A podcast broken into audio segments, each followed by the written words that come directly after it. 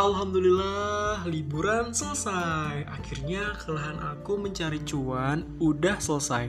Dan sekarang aku udah di Jatinangor and ready to fight. Well, besok aku kuliah formal perdana di semester 2. Bukannya siap-siap belajar atau nyiapin barang-barang dulu, eh tapi malah bikin podcast. Tapi sebelumnya aku mau bersyukur nih sama Allah yang udah bersedia sudi berada di samping aku dan membimbing aku sampai saat ini.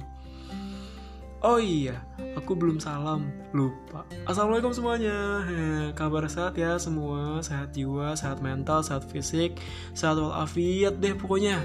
Amin. Eh, ayo semangat, ada podcast yang aku sampai ini ke teman-teman.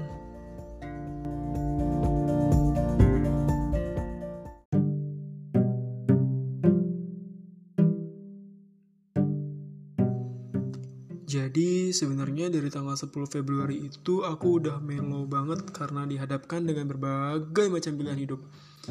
Sampai mikir kalau kenapa ya hidup aku gak lempeng-lempeng aja gitu. Aku sekolah analis kimia malah kuliah kedokteran. Eh, pas kuliah kedokteran kemarin malah dapat tawaran jadi bisnis konsultan di perusahaan trading.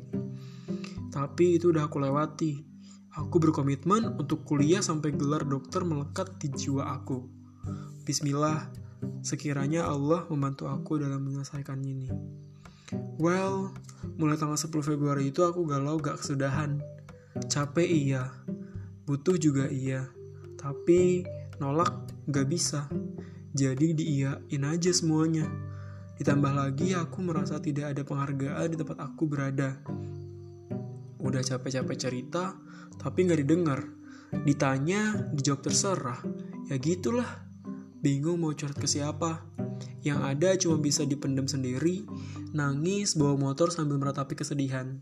Dari lagu pejalan yang mellow parah. Udahlah, pokoknya pecah kesedihan saat itu. Liburan bukannya happy, malah capek dengan kesedihan sendiri. Sebelum aku balik ke Nangor, ada di kelas aku yang ngasih hadiah buku ke aku. Aziza Alia, yang selalu bersemangat dalam jalan hidupnya. Dia bilang, dia termotivasi sama cerita-cerita aku, tapi juga aku termotivasi sama buku yang dia kasih saat ini. Judulnya keren, Belajar Dekat Sama Allah. Aku baru selesai baca, dan relate banget sama apa yang aku rasain seminggu kebelakangan ini. Mellow. Jadilah aku bikin podcast ini. Untuk jiwa-jiwa yang sedih, mellow, senang, bahagia, haru, atau bahkan biasa-biasa aja, ingat kita tuh punya Allah Bersabarlah ketika kamu sedang merasakan kegetiran hati, kendalikan emosi dan perasaan kamu. Untuk kamu yang sedang sedih karena nggak dihargai di suatu tempat, kebaikan kamu tidak dihargai, tenang aja. Allah itu punya perhitungan.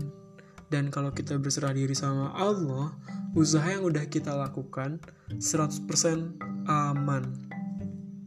Tinggal tanya, tadi melakukan kebaikan itu untuk apa? karena pengen dibalas kebaikan juga atau pengen dianggap baik atau bahkan semata-mata karena Allah. Dari dulu sampai sekarang kalau lagi melow, galau, sedih yang dicari itu pasti teman. Jangankan kamu, aku juga begitu. Tapi sekarang sih insya Allah no. Kecuali kalau dipaksa suruh cerita. Kayak kemarin. Kak Kiki minta paksa aku cerita. Ada apa sih? Hmm, kalian tahu nggak sih? Kalau nyeritain kesedihan ke teman itu bisa ada dua kemungkinan. Ya, baik dan buruk tentunya.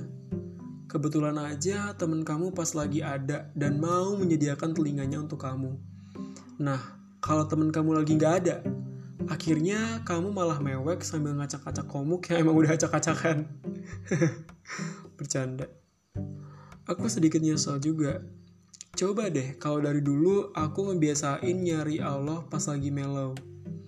Allah itu selalu ada sebenarnya dan siap ngedengerin apa aja yang aku rasain. Kapan pun, di mana pun, selalu ada.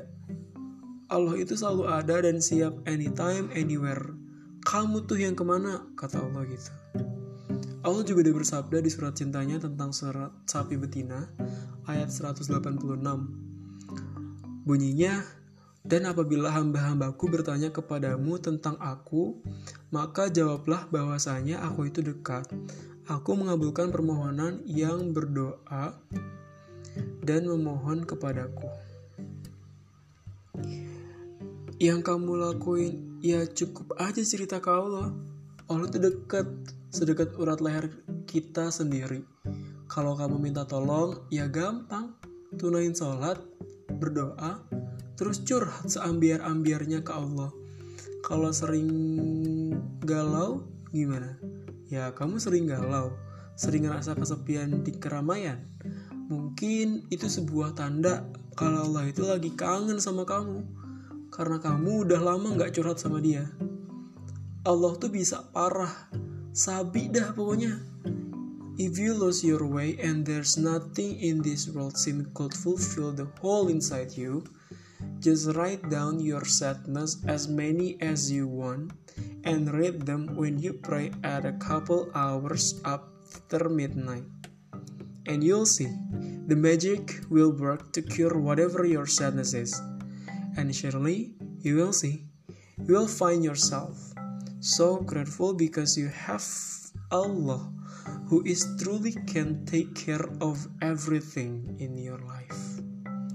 Jangan mengharap yang terlalu besar ke manusia deh. Manusia mah paling gampang berubah perkataan dan hatinya. Ngarap ke Allah aja udah asli beneran ini mak. Ngarapnya ke Allah aja. Karena perkataannya itu adalah suci dan setiap janjinya juga adalah hal yang pasti. Terus juga kamu ingat ini ya. Tidak ada yang abadi di dunia ini. Karenanya tidak ada kesedihan yang berlarut-larut dan tidak ada bahagia yang terus-menerus. Dunia itu pasti berputar. Berdoalah, berceritalah, berharaplah kepada Allah agar diberi kesabaran ketika sedih dan diberi rasa syukur ketika bahagia, atau bahkan bersyukur di segala kondisi. Ujian emang kadang datang biar kita tahu betapa nikmatnya ketika ujian itu udah berselesai.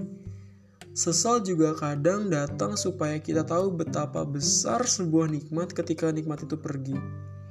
Jangan sampai gagal paham dengan membiarkan ujian dan sesal berlalu begitu aja tanpa mengambil hikmah di balik keduanya. Galau juga ujian kan? Melo juga bisa karena sebuah penyesalan. Pokoknya untuk kamu, jangan lupa untuk menghikmahkan segala sesuatu yang terjadi di hidup kamu. Selamat malam, Wassalamualaikum warahmatullahi wabarakatuh.